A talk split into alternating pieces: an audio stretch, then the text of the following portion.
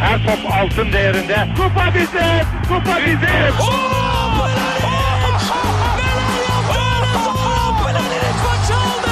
Dengeli de attı. İsabeti de buldu. Matta Fontervi. Zora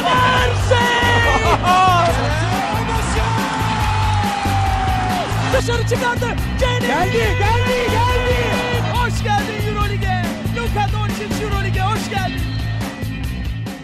İkili Oyun'un 29. bölümüne hoş geldiniz. Ben Serkan Mutlu. Bugün stüdyomuzda bir konuğumuz var. Tancan Fümen. Hoş geldin abi. Aa Tancan ne haber abi? İyi abi çok mutlu oldum sizde. Ya. Evet, yani tanımayan dinleyicilerimiz olabilir. Tancan yani bizim kadar olmasa da basketbolla ilgili bir insan. Değil mi abi? Abi seviyorum ya. 2'ye 60'larım var çembere. Arada böyle programımıza konuk etmeye devam etmek istiyoruz. Tabii Tancan'ın tatilde olmadığı ya da müsait olduğu zamanlarda. Parası bittiğinde dönüyor işte arada böyle programa. Bizim Bu işler böyledir oğlum. Bir hafta bile kaçırmayacağım bu programı. çok çok özür diliyorum sevenlerimizden. Neyse her zaman olduğu gibi Ali Aktin ve Tancan Fümen var. Yani arada sırada olduğu gibi ya da. Yeter. Ee, bu hafta konumuz Eurobasket olacak. Zaten e, onun dışında Euroleague adına ya da NBA adına da. Gerçi NBA adına bir şeyler var isterseniz konuşalım. Vallahi kısaca hemen bir takası konuşabiliriz ya. Ee, Cleveland Boston'a 100 yılın kazığını attı diyebilir miyiz? Buyurun. Yok canım Abi o kadar da değil ya. Diyebilirdik de Isaiah Thomas sakat diyorlar. Vallahi tam tersi de olabilir yani. Ya şöyle sakatlık konusunu geçelim. Ya 100 yılın kazığı değil ama e, Cleveland herhalde yapabileceği en iyi takaslardan birini yaptı. Yani iki takımdan hangisi daha iyi bir takas yaptı dersen kesinlikle Cleveland bence. Ya Cleveland zaten elinden çıkarması gerekiyordu. Artık Kyrie'den o takıma bir hayır gelmez değil. Tutsa bile hani kalacaksın dese bile. E, O yüzden evet e, alabileceğin yani şeye bakınca hani Boston tarafından bakınca onların da bence bir noktada Isaiah Thomas'tan çıkması gerekiyordu. İşin o hiç şey romantik kısmına girmeyeceğim. Hani yok kardeşi ölümünden sonra maça çıktı vesairesine girmeden e, bence çıkması gerekiyordu. Ha, onun yanında e, şimdi Boston totalde iki tane çok iyi savunmacısını kaybetmiş oldu. E, İşte Bradley gitmişti bir de üzerine şimdi Crowder'ı kaybettiler. Hani ona da okey ama e, ya Cleveland açısından özellikle draft hakkını almak çok çok önemli oldu. Yani orasını biraz belki tartışabiliriz ki Danny Ainge hani kolay kolay e, takas hakkı da vermeyen e, biri. O biraz şaşırttı. Ama yani biraz da zaman gösterecek bakalım hani Kyrie, LeBron olmadan o sorumluluğu üzerine alabilecek mi? Gordon Hayward'la nasıl bir ikili olacaklar? Orası soru işareti. Boston'ın hala ama e, değerli pikleri var değil mi? Yani bir tanesini verdi 2018'e. Evet onu verdi. sanırım bir 2019'da iki tane yine var. Ha. E, bir de üzerine biliyorsunuz pardon e, işte bu sene Jalen Brown ve Tatum'dan da e, büyük beklenti var. Bakalım Brad Stevens hocamız nasıl bir şey ortaya çıkacak. Deneyin yürek yedi ya. Valla Cleveland için iyi oldu aslında. Özellikle LeBron sonrası bir çöküş dönemine girme ihtimalleri varken bir anda böyle hiç ortada yokken hızlıca bir yapılanma e, ışığı verdiler yani. Özellikle Kyrie ve LeBron da giderse bayağı cap'te güzel boşluklar, işte iyi bir draft hakkı, daha sonra iyi bir oyuncuyla anlaşma hakkı falan çok güzel bir ortam yarattılar. Aslında hiç farkında olmadan bir anda çok iyi bir gelecek e, zemini hazırladılar. Bence Cavs, Cavs için o açıdan bayağı iyi oldu. İşte yani hem sorunlu bir oyuncudan kurtulmuş oldu. Hem bir yandan işte iki sene sonra Kyrie'nin alacağı para çok artacaktı bu NBA'deki şeyler var ya. Evet. İşte belli bir seneye geldiğinde artık şey e, Eflak ve Boğdan'ı almaya başlıyorlar. Ondan sonra hani hem ondan şey yaptı hem Crowder bir de Ziz- Zizic aldılar bir de Pike aldılar daha ne alacaklar yani. E, bir de ekstradan şu da var. E, lüks vergisinden de bayağı bir yırttı Cavs sene Kyrie yollayınca. Ee, ama lüks vergisi ödemeye devam edecekler öyle tamamen çık- Yok yok ama yani bir nevi Bakmadım azaldı. Evet. e, lüks vergisi o cap'in üzerinde ödediğin her dolar için ödediğin bir şeydi değil mi? Evet. Yanlış hatırlamıyorum. Aynen, aynen öyle. Tamam o zaman LeBron'dan da kurtulursan çözüyorsun yani. Ya bir de tabii Isaiah Thomas'ın da hani sözleşmesi bitecek. Zaten sakatlık durumda. Hani şimdi bilmiyorum takas düşer mi ama bir öyle bir dedikodular başladı dünden beri. Eğer düşmezse zaten Isaiah Thomas da hani sözleşme yenemeyip bayağı böyle bomboş güzel bir takım haline gelebilir. İyi draftları da iyi değerlendirirlerse bayağı güzel olur. Peki o zaman yani Eurobasket dedik ama şu soruyu da soracağım. Böylece NBA konuşmuş olacağız girişte bayağı. Ee, romantik tarafını es geçerek soruyorum bunu. Yani Isaiah Thomas ayarındaki bir yıldızın ya da yıldızların ya da oyuncuların işte neyse. Ee, hiç söz hakkı olmadan takaslanabildiği bir ekosistem mantıklı mı sizce? Gireyim mi? Ali mi? Ali Buyur sen-. Yok abi. Bu konuda birbirimize girdik de şimdi kimse topa girmek istemiyor. Ya İsterseniz offline'da görüşelim. Realde belli- görüşelim. belli bir seviyenin üstüne bu koruma geliyor tabii de şu anda öyle bir şansı yoktu zaten Isaiah'ın. Ama bence evet hani daha alt seviyede ya da daha erken sözleşmelerde de sözleşme yapısına göre daha e, fazla koruma getirebilir bu konulara.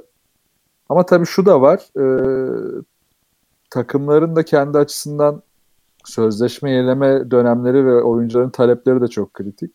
Ama ben mesela hani bunu destekliyorum dediğini bir koruma gelmeli. Ama oyuncunun tavrı da bu tip takaslarda NBA'de mesela çok e, alttan alttan etkili olabiliyor ki Isaiah Thomas, e, Brad Stevens gibi bir koça bile laf edip sezon içinde e, ters gitmişti yani. Bu bile bence bu süreci kesinlikle etkilemiştir. Eğer hani zaten e, sakatlığı ve hani bu takıma katabilecekleri sınırlı olduğu tartışılıyordu ama bu da olunca bu süreç hızlanmıştır. Müstahak diyorsun yani. Müstahak demiyorum da oyuncunun da biraz dikkat etmesi lazım. diyorum. Bazı korumaları hak etmek istiyorsa. Vay. Ali. Ya bu tartışma tabii e, şeyden çıkınca Isaiah Thomas üzerinden e, bir harlanınca e, tabii ister istemez ben de onun üzerinden düşündüm. Ya ben çok haklı bulmuyorum çünkü e, başkaları da tartışmaya katıldı işte Boston'ın yaptığı vefasızlık vesaire. Ben gerçekten bunun vefasız ya zor bir karardı. Brad Stevens da çıkıp bunun zor, gerçekten çok zor bir karar olduğunu söyledi. Ama ben hani e, Isaiah Thomas'a burada bir kazık atıldığını tabiri caizse düşünmüyorum açıkçası. Tanca'nın dediği konular da var.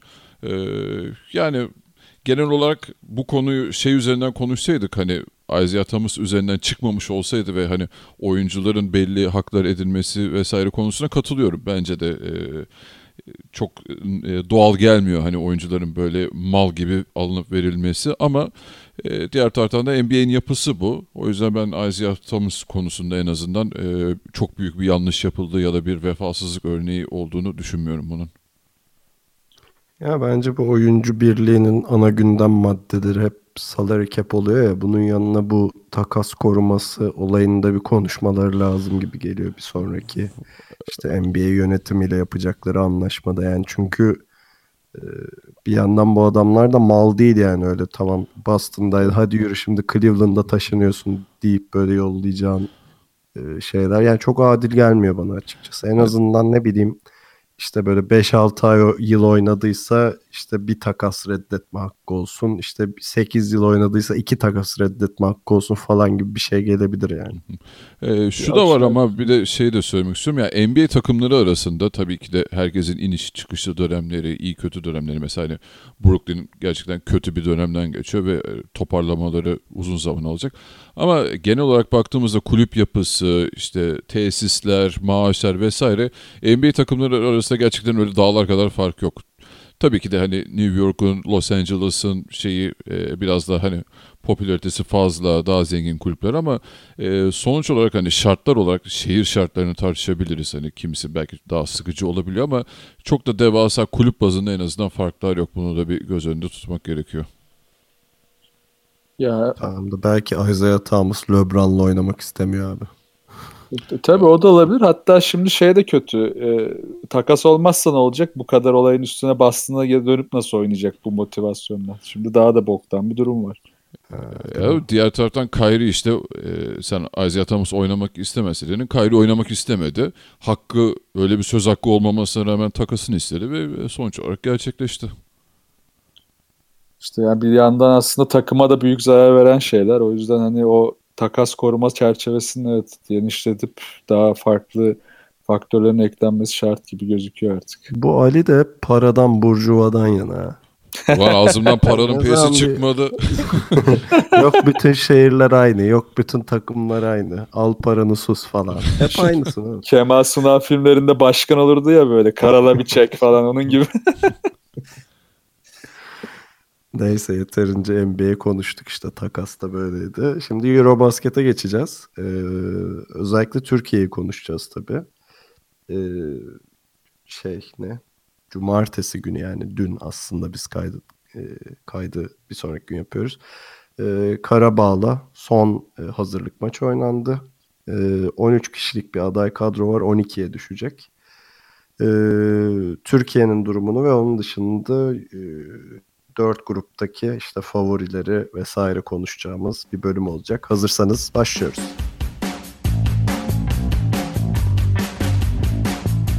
Öncelikle yayınımızı dinleyen Karabağlılardan ve Karadağlılardan özür diliyorum. ee, Karabağ dedim ama o takımın adı, yani o ülkenin adı tabii ki de Karadağ. Ee, e, kusura bakmasınlar. Ee, bu ufak notu verdikten sonra D grubundaki temsilcimiz, yok lan temsilcimiz ama milli takımı. Biz la biz.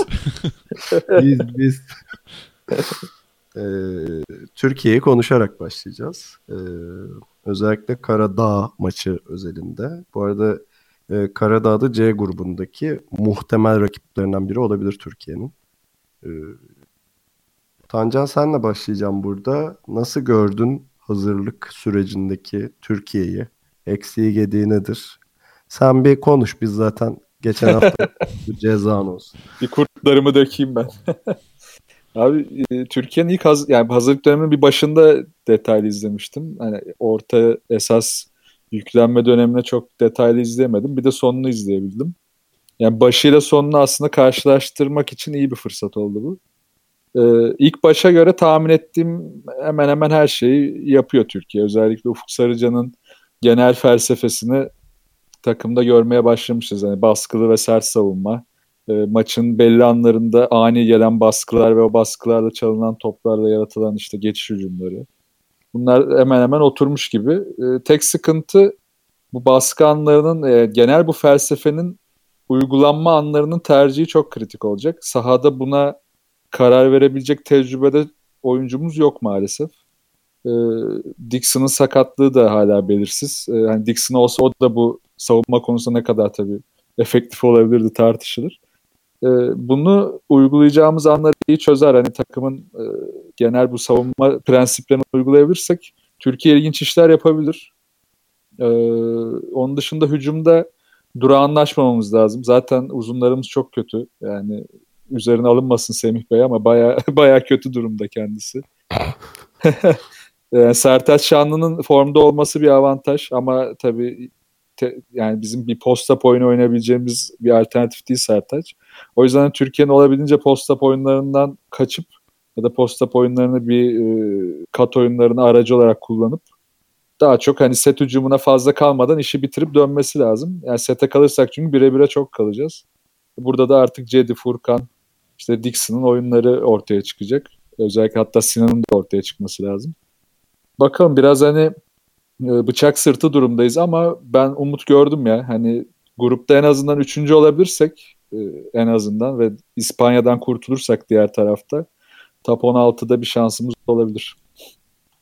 Tancan'a katılıyorum. Eyvallah.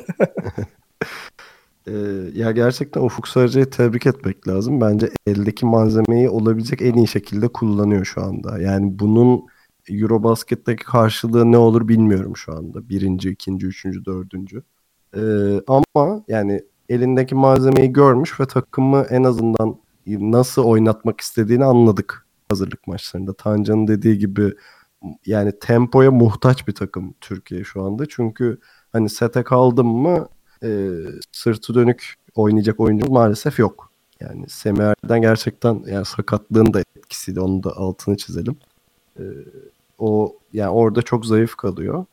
E, ama avantajlı olduğumuz 2-3 nokta varsa birincisi enerjimiz ki burada işte Doğuş, Furkan, Cedi için herhalde özel olarak parantez açmak lazım. Çünkü üçünün de kattığı enerji ve tempo çok değerli. Ee, ikincisi de e, Ced'in, şimdi Cedi e, ağırlıklı olarak 4 numara oynayacak bu şeyde, turnuvada. Orada savunmada bir e, nasıl diyeyim dezavantaj getirse de hücumda enteresan e, bir teke tek yani birebirler yakalıyor Cedi böyle olunca yani ayakları çabuk ve rakip uzun karşısında hani içeri çok hızlı bir şekilde girebiliyor ve işte e, dünkü maçta da olduğu gibi eğer o gün de iyi bir günündeyse şutlarla beraber bayağı böyle çift taneli sayılara ulaşabiliyor. E, ama bir dezavantaj varsa o da yani pota altı ve özellikle rebound. Hani tempo yapmak isteyen bir takımın çok rebound kaçırmaması lazım ki hani e, yakaladığı reboundla hızlı hücumla değerlendirebilsin. Hani Türkiye bu e, yani en büyük sorunlarını o reboundlar sonrasında yaşadı benim gördüğüm bu hazırlık sürecinde e, deyip Ali'ye çevireyim. Sen ne düşünüyorsun Ali Türkiye? Vallahi ben beklediğiniz gibi size de katılmıyorum. Yani çok iyimser bir tablo çizdiniz bence. Ya ben işimizi çok çok zor. Ya gruptan çıkarız ama ben en iyi ihtimalle dördüncü olarak çıkabileceğimizi düşünüyorum. Yani üç çıkarsak bana sürpriz olacak açıkçası onu söyleyeyim. Ee, şey konularına katılıyorum. Ee, Ufuk Hoca gerçekten elindekinin en iyisini çıkarmaya çalışıyor. Savaşçı bir takım yaratmaya çalışıyor. Ee, kısalarımızı da ben beğeniyorum açıkçası. Yani zaten onların haricinde çok da bir şey yok takımda. Ama işte şimdi e, rotasyona baktığımız zaman uzunlarımız işte Semih, Furkan, Sertaç yani birbirlerine çok benzeyen adamlar ki şu an ilk 5 Semih'le başlayacağımızı düşünürsek Semih bir senedir basketbol oynamıyor sakatlığı yüzünden. Ve en iyi alternatifimiz o. Ee, şimdi 4 numaramıza baktığımız zaman e, hani şey kupa avcısı Barış Ersek var ama abi yani bütün turnuvayı biz 4 numarada Barış Ersek'te hayatta geçiremeyiz. Numara Barış değil maalesef. Yani dün de mesela Yani- Barış Ersek başladı ama yok dayanamıyor çünkü Olmaz yani. yani şey çok yavaşlıyor takım. o Yani- yüzden de Cedi kaçıyor dörde. Bu mecburen, bütün mecburen. turnuva böyle olacak bu arada. Evet. Ee, yani size olarak yetersiz bence bizim takım. Ee, yani e, çoğu takıma karşı yani bizi buradan vuracaklar diye düşünüyorum. Şimdi hani Fenerbahçe'de nasıl işte Yudo Veseli gördüysek yani bizim uzunlarımızdan öyle ikili çıkamaz maalesef bu elimizdeki malzemeyle. Ee, yani Ersan'ın gelemeyişi bizi çok ağır yaraladı bu anlamda. Ya dediğiniz gibi post-up oyunları vesaire de çok sıkıntı yaşayacağız. Ya daha çok şey oynayacağız gibi geliyor. Hani dış oyunlarla işte e, Ced'in, Furkan'ın isolation oyunlarını daha sık göreceğimizi düşünüyorum. Sinan'a ve Dixon'a çok büyük e, yük binecek burada. E, Kenan'a da performansı önemli. E, bir de diğer taraftan hani bir kişi daha ayrılacak bu kadrodan ki onun da hani Göksel'in olacağını düşünüyoruz. E, şu an kadroda var ya Göksel'in doğuş gibi oyuncular yaratıcı oyuncular değil topla. E, Melih topla diye sadece e, hani ona pozisyon hazırlandığında oynayan bir şutör. Yani işimizi ben gerçekten çok zor görüyorum. Yani bunlar zaten e, kağıda baktığımızda söylediğimiz şeyler ama biraz o hazırlık dönemine baktığımda evet bu dezavantajlar var ama buradan hani avantaja dönüşebilecek bazı hani şeyler çıkarmış Ufuk Hoca. O güzel. Hani işte tamam Türkiye çok açık bir şekilde dört kısayla oynayacak bu turnuvayı. Ve e, uzunları iyi uzunlarına güvenen bir rakip koç Türkiye'yi oradan vurmaya çalışacaktır. Ama zaten hani e, bu özellikle Karadağ maçında gördüm. Kesinlikle işi o isolation'a bırakmamak istiyoruz. Yani kesinlikle o tempoyu düşürmemeye çalışıyoruz ki e, hani bunun da yarattığı bir dezavantaj şöyle oluyor. Maç sonları bu sefer maç sonunda yorgunluk olabiliyor. E, Tancan sana çevirirken iki soru soracağım. Bu Karadağ maçında bu e, yani bu söylediğim şeye katılıyor musun? Özellikle maç sonundaki duruma dair birincisi. ikincisi de e, Bobby Dixon durumundan konuşalım biraz da. Hani e, eğer sakatlığı şey olursa o e, kadroya alınmayacak Bobby Dixon. E, bu bize ne getirir ne götürür?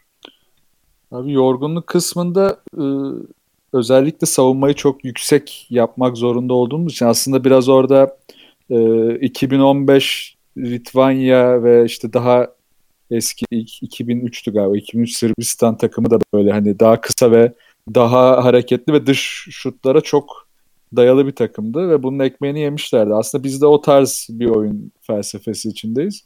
Bu tabii maç sonuna çok büyük yorgunluk getirebilir. Özellikle de hemen buradan konuyu Dixon'a da net bağlayabilirim. Çünkü Dixon'ın olmaması bizim Sinan'a çok yük bindirmemize neden olacak. Çünkü başka ne yaratıcı ne de oyun açabilecek kısamız kalmıyor. Sıkıntı oradan başlıyor. Umarım Dixon oynar. Hani Dixon'ın oynaması özellikle clutch time'larda da bize çok gerekli. Çünkü e, Rusya maçı ve Letonya maçının ben oralara geleceğini ve kritik sonlarda biteceğini tahmin ediyorum. Ki Rusya maçı ilk maçımız bu. Bu arada yani final maçı gibi olacak aslında Türkiye'ye. Ya bu yorgunluğu aşmak için işte e, kenardan gelecek alternatiflerin o savunma temposunu sahada kısa sürelerde kalsalar bile çok yüksek tutmaları lazım. Rakip takım Türkiye'yi kısa görüp uzadığında bizim avantajımız burada başlayacak. Sert savunma ve hiç düşmeyen tempoda bir savunma uzun takımları e, hücum verimliliğini düşürebilir ve açık sahada onları ekarte etmemizi sağlar. Ama hani işte evet kenardan gelecek özellikle Melih'in e, katkısı çok kritik olabilir. Orada e, yine Sertaç'ın katkısı çok kritik olacak. Yani o yorgunluk seviyesini aşmamızda önemli noktalar bunlar bence. Benim bahsetmek istediğim son konuda hani Türkiye'nin dezavantajlı olduğu bir konu. E, maçların krize girdiği anlarda tamam çıkış yolunu biliyorsun ama bazen hani o lider katkısı, hani o karizmasıyla takımı bir araya toplayan bir oyuncu e, ihtiyacı çıkar ya takımlar. Türkiye'de maalesef şu anda o yok. Hani işte ona takımın... en yakın adam da Dixon o da sakat. evet. Ee, belki hani Sinan yani belki değil kesinlikle Sinan'ın o şeyi alması lazım ama genel olarak o karakterde bir şey değiliz takım değiliz şu anda. Ki mesela e, şey e, Karadağ maçına mesela çok kötü başladı Türkiye. 23 falandı galiba yanlış hatırlamıyorsam. Ee, sonra mesela Doğuş bir enerji kattı. Furkan çok ciddi enerji kattı vesaire ama hani o, o lideri hep arıyoruz gibi o kritik anlarda ve hani özellikle büyük maçlarda, grup maçlarında falan oyun zora girdiğinde e, daha fazla aradığımız durumlar olabilir diye düşünüyorum. Bu aslında Türkiye için hem aslında %70 dezavantaj ama %30 şöyle bir avantaj yaratabilir. Rakip takımlara Türkiye her seferinde farklı bir oyuncuyu sürpriz olarak çıkarabilir. Yani o maç bir oyuncunun çok öne çıkması bizde çok büyük fayda sağlayabilir. Yani işte bir maç Melih'in çıkıp 4-5 üçlük atması ya da bir maç işte Doğuş'un bir anda çıkıp 4-5 top çalması falan bu tip sürprizlere çok açık bir takım olacağız. Bunları da dış şutla destekleyebilirsek o zaman durumlar değişebilir biraz. Bu arada Furkan bir smaç bastı böyle bir şey olamaz. Ya çok iyiydi o ya. Baya, baya yerimden kalktım yani çok iyiydi. Yani şey bir, bir adım geriden bassa şey zaten. Tabii smaç neredeyse smacı falan olacak yani. Foul line'a gidiyordu. Ya Furkan için de iyi bir şimdi NBA öncesi de onun için kritik. Ben iyi konsantre gördüm. Efes'teki o tozunu zaten yaz liginde atmıştı. Baya iyi gözüküyor yani. Peki şimdi bir de grubu konuşalım. Türkiye bildiğimiz gibi D grubunda. Ee, ve maçlar işte İstanbul'da oynanıyor. Böyle bir güzellik var. Ee, ama kötü olan taraf e, maçlar ba- Kurban Bayramı'na denk geliyor. Evet. Ee, işte şeyin e, salonun ne kadar dolacağı biraz meçhul. Ee, ama Türkiye şimdiye kadar ev sahipliği yaptığı turnuvalarda da hep başarılı olmuştu. Bir de böyle bir istatistiği var. E, grubu sayıp Ali'ye uzatacağım lafı. Aramızdaki en karamsar arkadaşımız. e, Belçika, Büyük Britanya, Letonya, Rusya, Sırbistan ve Türkiye. Yanlış saydığım ülke yok değil mi adını? Yok, yok doğru abi. e, Ali ne diyorsun burada? Yani e, ilk dört ne olur? Bir kim olur, dört kim olur, Türkiye ne yapar? Ya şimdi e, gruba bakınca ya gerçekten zorlu bir grupta olduğumuzu söyleyebiliriz. Benim bir numaralı yani grup birincisi favorim e, Sırbistan olacak e, doğal olarak diyeyim yani. E, ki Sırbistan'ın eksikleri de yani maşallah dedirtecek cinsten ama yani geri kalan bile kafayı o yani e, finale Hemen kadar sayıyorum. say abi buyur. Sırbistan'ın eksikleri Miloš Teodosic, Markovic, Jokic, Nemanja Bjelica, Nedovic, Raduljica ve Militinov. Yani bu adamlar zaten koy turnuvanın favorisi olacak adamlar yok. Ee, ama gene de e, yani ona rağmen kadrosu çok güçlü yani Bogdanovic ile Kalinic ile efendim e, başka kim var lan? e, Stefan Jovic var vesaire. Hani bunlarla e, işte maç falan falan var. E, hani ciddi bir favori olarak duruyorlar ama eksikleri de çok fazla. Yani e, özellikle yok içi izlemeyi çok istiyordum ama neyse yani Sırbistan benim e, grup favorim. O Sırbistan haricinde Litvanya e, çok sağlam bir kadroyla geliyor. Yani orada da Porzingis Dur dur Letonya. Pardon pardon Letonya. Ee, çok yani Porzingis, işte Bertans, Sterlingis falan hani gerçekten e, sağlam bir kadroları var. E, Rusya işte Şivedi'ydi, hani Mozgov demeyeceğim. e, işte Voronsevic vesaire, e, Kurbanovlar, işte o yani CSK'nın kemik kadrosuyla beraber e, sağlam bir yapıdalar. Ya o yüzden benim şu an kağıt üzerinde bakınca tabii ki de maçlarda ne olacak göreceğiz ama benim şu an gördüğüm işte Belçika ile Britanya çıkamaz dersek ben bizi dördüncü olarak görüyorum şu an açıkçası. Yani Türkiye doğal olarak Rusya ile bir dördüncülük yani üçüncülük dördüncülük mücadelesi içine girecek gibi. Tancan senin de tahminin böyle herhalde. Ee, Benim tahminim evet aşağı yukarı öyle. Hatta fikstür üzerinden bakınca ilk maç Rusya. Rusya maçını al- alırsak ki Türkiye için muhteşem bir başlangıç olacak. Üstüne çünkü İngiltere ile oynayacağız. 2'de 2 gelip sonra Sırbistan'a kaybedeceğiz muhtemelen. Ve üstüne Belçika maçı var yine. Son maçta Letonya. Şimdi buraya 4'te 3 gelirsek Letonya maçına. Letonya'nın da hani ben e, Rusya'yı yenebileceğini düşünüyorum. Yani Letonya Rusya'yı yenmiş olursa, e, biz de Rusya'yı yenmiş olursak Letonya'da ikincilik maçına da çıkabiliriz. Ama Rusya'ya kaybedersek son anda dördüncülük şansını zorlayacak bir maça da çıkabiliriz. O yüzden hani Türkiye'nin ilk maçı final maçı gibi e, ve Rusya'yı ben biraz izledim. E, özet de olsa hani birkaç maçında yarım yırtık da olsa biraz izledim. Çok fazla şivet ağırlıklı oynuyorlar. Yani Mozgov dışında onların da bizim gibi içeride böyle ağırlık koyacak inanılmaz uzunları zaten yok. Yani Rusya maçı çok ilginç olacak. Hani şiveti durdurup e, Rusya'yı genel tempomuzla uydurabilirsek o maçı ben alabileceğimizi düşünüyorum. Çok zor bir maç olacak ama bence alabiliriz. Ee, katılıyorum yani şey ba- baş yani ilk maç Türkiye için çok kritik bir önem taşıyor hale geldi fikstür nedeniyle. Ee, bir dezavantaj dediğim gibi Kurban Bayramı yani e, şu an bir jenerasyon geçişi döneminde olan ve genç oyuncularına çok güven güvendiği bir döneminde Türkiye ve bu oyuncuların e, seyirci desteğine ihtiyacı var. E, o yüzden de e, bu cuma oynanacak maçta en azından İstanbul'da olan dinleyicilerimizden e, gitsinler izlesinler takımlarını bence e, şey mutlaka pozitif etkisi olacaktır diyorum. E, başka bir ek- ekleyeceğiniz yoksa Türkiye'yi ve D grubunu kapatıp kısa bir ara verip kalan gruplarla devam edelim. Benim yok. Benim var abi bence şunu söyleyeyim. Serkan e, işte maça çağrı yaptı ya. Ben yeteri kadar e, bu işin promotion'un hani reklamının yapıldığını düşünmüyorum ve bu hani yabancı basınlarda da çıktı. Biraz üzücü buluyorum bu işi yani. Daha iyi bir destek olabilirdi diye düşünüyorum. İnanılmaz karamsar. içimi kuruttu ya herif gerçekten. Hoşçakalın ben gidiyorum o zaman. Mike dropped. Türkiye 6. olarak grupta elenecek Ali'ye göre. tamam kısa bir ara verelim. Diğer gruplarla devam edeceğiz.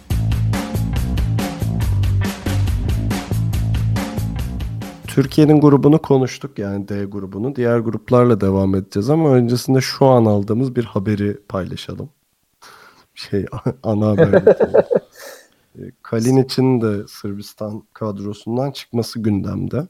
Yani bilmiyorum yarın öbür gün ne e, değişir bu konuda ama Yani genel olarak vücudum izin vermiyor şu anda oynamama gibi bir şey demiş.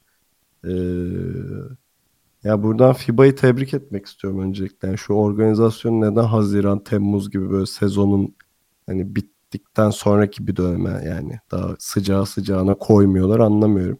Hani NBA yıldızları yok. Ya şimdi hem Euroleague'de hem hani kompetitif liglerde oynayan adamlar da zorlanıyorlar tabii rejenerasyonlarını tamamlayamadıkları için. Böyle olunca bir sürü yıldızı izleyemiyoruz. Deyip Ya. ilk bunu konuda size uzatayım. Evet abi artık zaten hep konuştuğumuz konu ya iki senede bir Avrupa Şampiyonası'nın boktanlığını konuşuyorduk. Bu artık iyice cılkı çıktı. Ya Allah'tan 2019'a Dünya Şampiyonası alındı ama orada da şöyle bir sıkıntı var. Bütün artık kıtalar elemeyle gidecek. Hani eskiden e, ilk 5'e ilk 4'e giren takımlar qualify olabiliyordu. Yani hemen direkt katılabiliyordu. Şimdi o da kalktı. Yani bir de 2018 boyunca eleme oynayacak takımlar. Ona da kimse gitmeyecek. Nasıl olacak o iş? Hiçbir fikrim yok yani.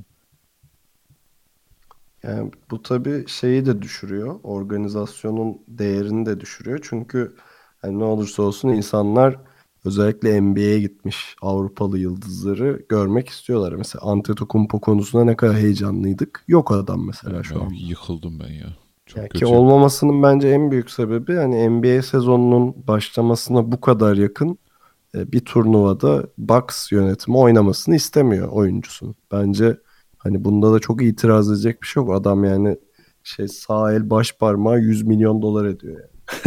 Tabii canım haklısın yani. Orada niye izin versin ya? Ee, umarım ama bu konu düzelir deyip e, A grubuna geçelim. Ben size takımları sayayım. Finlandiya, Fransa, İzlanda, Polonya, Slovenya ve Yunanistan'dan oluşan bir e, A grubu var. Maçlar Helsinki'de oynanıyor. E, Ali sana çevireyim nedir A grubuna dair görüşlerin? Ee, tabii A grubunda öne çıkan 3 takım hemen e, Yunanistan ki hani az önce dediğin gibi Antetokounmpo'yu izlemeyi aşırı istiyordum ama yattı o iş ki ona rağmen yani yine de güçlü bir kadrosu var Yunanistan'ın derken aklıma şey geldi takım içinde de hazırlık döneminde iki kere kavga çıktı falan diye e, görmüştüm. Bilmiyorum bakalım Evet. e, sahada nasıl olacaklar ama yani kağıt üzerinde e, çok güçlü bir aday Yunanistan ki Antetokounmpo olsaydı benim favorilerimden biriydi. E, Fransa yine e, Dekolo önderliğinde e, güçlü adaylardan biri. Hemen Fransa demişken e, Fransa da bayağı bir eksikliklerden yana dertli. Evet.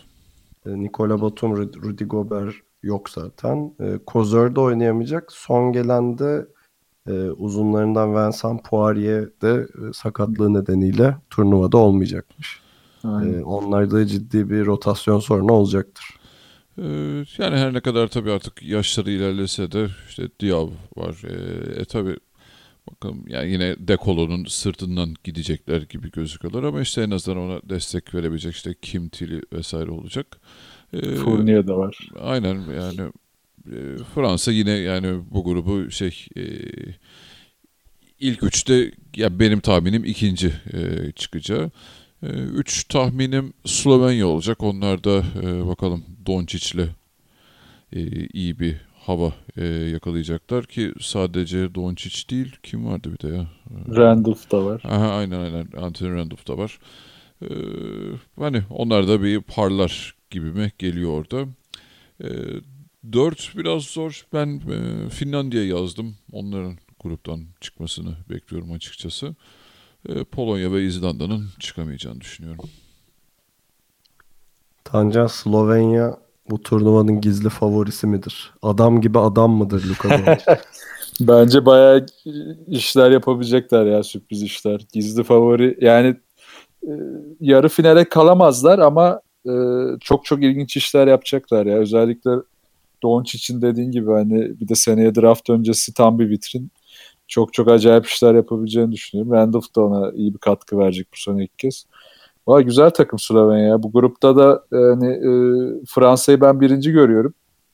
Yunanistan Slovenya arasında bir ikincilik üçüncülük olur. Ee, Finlandiya'da da aslında evet herkes hani izleyen herkes dikkat etsin. Markkanen e, bayağı formda bulsun bu sonraki seçimi.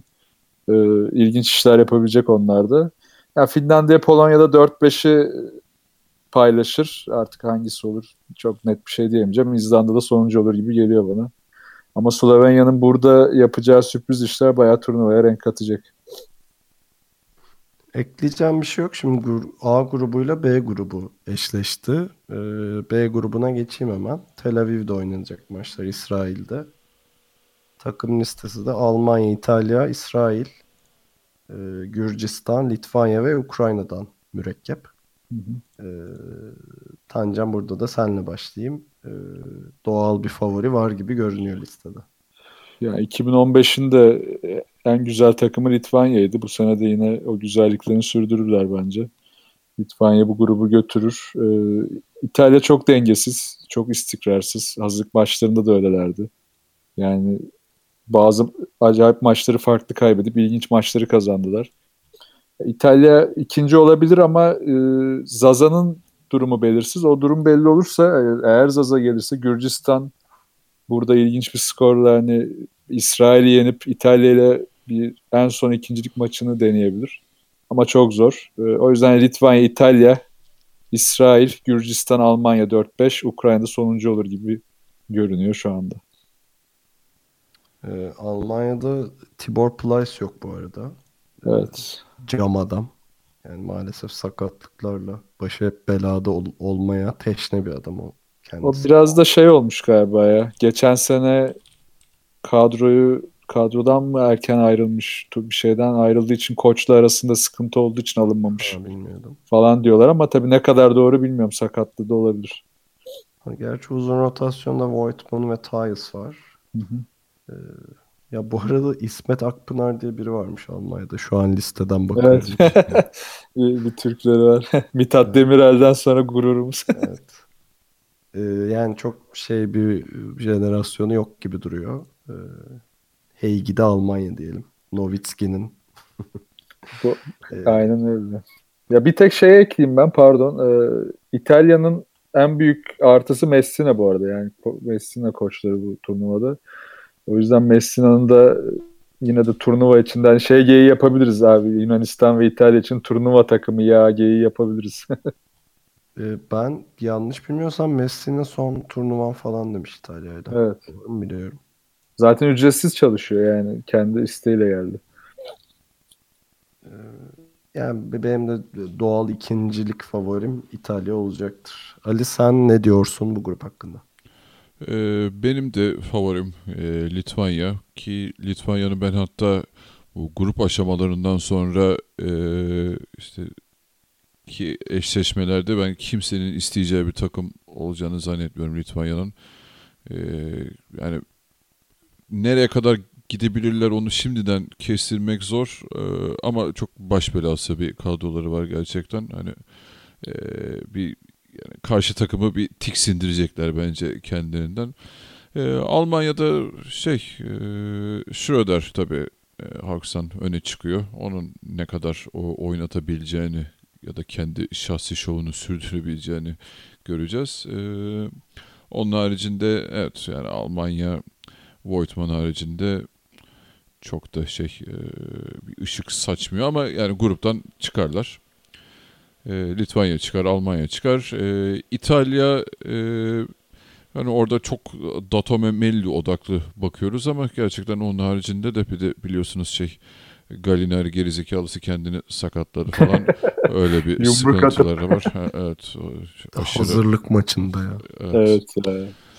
e, Ee, yani uzun rotasyonunda uzun, Değil mi? Bir sakinleş ya. Nedir? Sakin abi? ol abi ne yapıyorsun? Ee, uzun rotasyonda biraz sıkıntı e, yaşayacaklar ama Tancan dediği gibi bakalım Messina ne, neler yapacak ama çok şey ya, gruptan çıkarlar ama ilerisi için e, sonraki aşamaları için çok e, şey vermiyorlar, ışık vermiyorlar. E, Hackett orada biraz soru işareti. O da geçen seneyi full e, sakat geçirmişti. Bakalım onu da yani çok takip edemedim tabii hazırlık maçlarını ama o da e, sanırım artık iyicene süre almaya başladı. E, Litvanya, İtalya, Almanya çıkar. Ben İsrail'in bu grupta sürpriz yapacağını düşünüyorum. Hani onlardan biraz e, beklentim var işte Ohio'nlar, Kaspiler falan e, onların gruptan çıkacağını düşünüyorum. E, ben Gürcistan ve Ukrayna ki Tancan'da dedi şeyin e, Zaza'nın bir soru işareti var. E, Gürcistan ve Ukrayna çıkamaz diyorum ben. C grubuna geçelim. Ee, bizim için önemli bir grup çünkü Türkiye işte bir üst tura yani son 16'ya kaldığı takdirde C grubuyla grup eşleşmesi var. Ee, bu maçlar Cluj-Napoca'da oynanacak. Romanya'nın sevimli bir beldesi.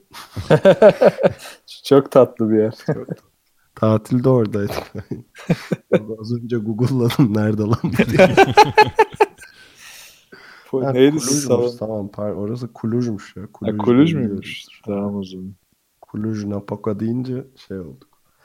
Ee, bu grupta Çek Cumhuriyeti, e, Hırvatistan, Karadağ D ile e, Macaristan, İspanya ve Romanya var. Ee, ya hemen sözü Ali'ye vereceğim ama öncesinde şey düşünüyorum hani e, Türkiye biraz şanslı gibi duruyor yani C grubuyla eşleştikleri için. Yani diğer iki grup daha güçlü bence bu, bu şeyden yani İspanya'yı zaten bire yazacaksınızdır ikiniz de ama onun dışındaki takımlar Türkiye'nin dişine göre hani ilk dört adayı takımlar değil. Ali ne diyorsun? Vallahi öyle diyorsun da şimdi biz grup D'de dördüncü olursak C grubunun birincisiyle O ayrı, o karşılaşacağız. Ee, hani Ama bence dördüncü olmayacağız diye düşündüğüm için şey yapıyorum. Vallahi üçüncü olursak C'nin şeyle mi karşılaşıyorduk? Ee, İkincisiyle. He, yani Hırvatistan potansiyel. o- abi her türlü sıkıntı ya dert var.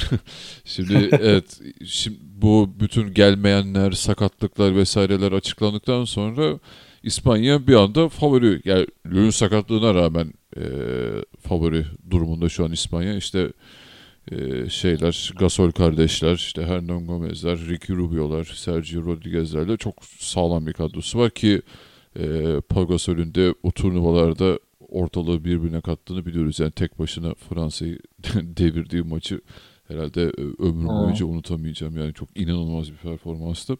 E, İspanya birinci e, benim için bu grupta.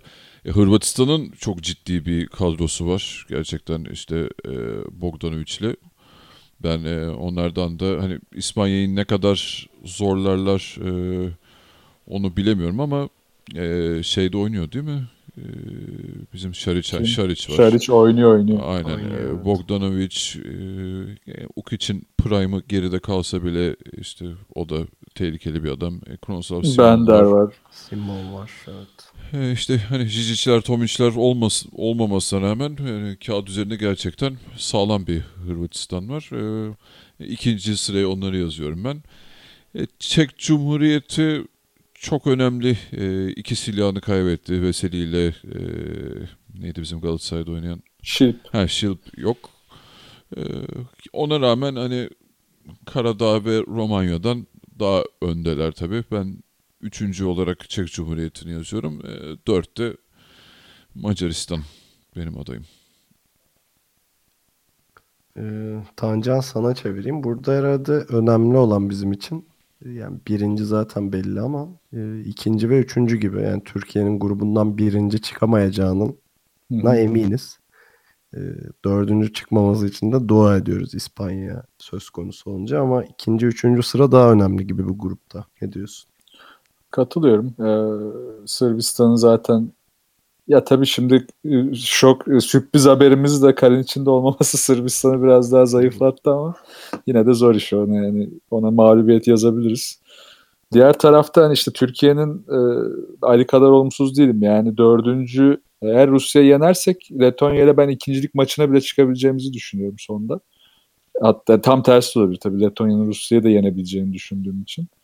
Tam tersi o. Eğer zaten Rusya Letonya yenerse biz de Rusya'yı yenmiş olursak e, aslında işimiz daha ilginç averaj hesaplarına kalabilir. O yüzden hani e, İspanya'nın birinci olacağı için ben diğer tarafta Hırvatistan Hır- e, Hırvatistan ne ya? Hırvatistan Hırvat- Hırvatistan ve Karadağ arasında bir e, rakibe gideceğini düşünüyorum. Çünkü Çekya'nın e, Çekya'yı da kullansak mı artık bilemiyorum. Arada Çekya da diyorlar. Aa, Sen geçmişsin abi zaten. Devam Ben geçtim abi. Şey, YTL'den. Ee, Çekya'nın durumu da hani çok parlak görmedim. Biraz hazırlık maçlarının özetlerini izledim onun.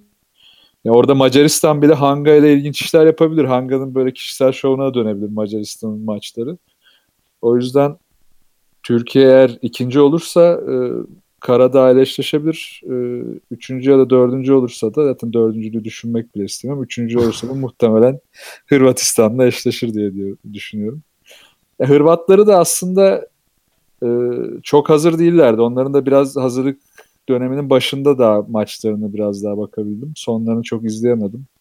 Çok hazır gözükmüyorlardı. E, yani Şariç'le Bogdan'ın daha bireysel bir hareketi vardı takım içinde. Eğer onlar da biraz daha turnuva içinde takım kimyasına kavuşurlarsa e, yine turnuvanın sürpriz adaylarından biri olabilirler. Bizim için de çok zor bir rakip olur. Ya o zaman en ballı börek eşleşmesi Türkiye'nin kaçıncı olursa olsun yani olası ballı börek eşleşmesi Karadağ gibi görünüyor diyebiliriz. Yani A- aynen. e, bu arada dünkü maçta Tyrese Rice'la Tanyevic e, kavga etti. Yok Tyrese Rice gitti soyunma odasına gitti sonra antrenör geri Getirdi. getirdi falan. E, Sonra öpüşüp koklaştılar galiba ama. yani Rice yeteneğine kıyasla IQ suç biraz düşük bir arkadaş olduğu için e, şimdi Barcelona da istemiyormuş kendisini. Böyle PAF takımıyla falan antrenmana çıkacak diye. Kendine kulüp dendi. Evet. Çok sokak kafasıyla oynuyor tabii. Ondan çok kurtulamadı. Barcelona'da zaten bitiren oydu ama tabii Karadağ'da Rice'la Vucevic'in olması yani bu arada takımın kalanı hiç fena savunma yapmıyor. Oldukça sert oynayabiliyorlar maçın belli anlarında.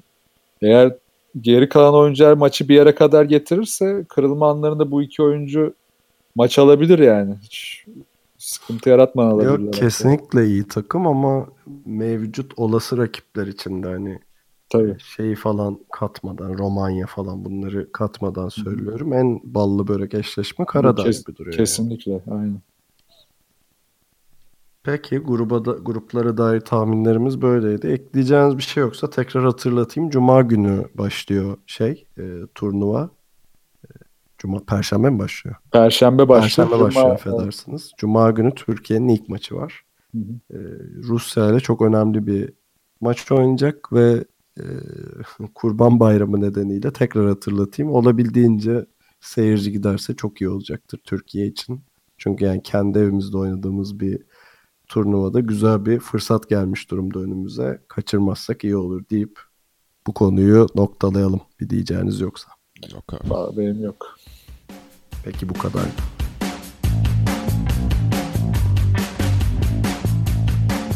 İkili oyunu dinlediğiniz için teşekkür ederiz ve şimdiden gelecek bayramınızı tebrik ederiz. Büyüklerin ellerinden, küçüklerin gözlerinden. Ee, bir tatil dönemine denk geliyoruz. Tancan gene bir yerlere kaçacak herhalde. Yok bu sefer İstanbul'dayım. Stüdyomuzda olmayacak Tancan. Tancan yine bekleriz abi. Keyifli oldu ya. Yani Evet, hep gel abi. Abi çağırırsanız işte neden? Ya ikili oyun ama üç kişi de olabiliriz istersen. Oğlum ben rakip programa çıkacağım böyle yaparsanız. ikili sıkıştırmayı yapıp. İkili sıkıştırma. Bizi her zaman olduğu gibi ikilioyun.com adresinden ve ikili oyun Twitter hesabından takip edebilirsiniz. Ee, ve bize iletmek istediğiniz bir düşünceniz, notunuz olursa mail adresimizi biliyorsunuz. selam at ikilioyun.com Önümüzdeki hafta muhtemelen Eurobasket gündemiyle görüşmek üzere. Kendinize iyi bakın ve hoşçakalın. hoşçakalın. Görüşürüz.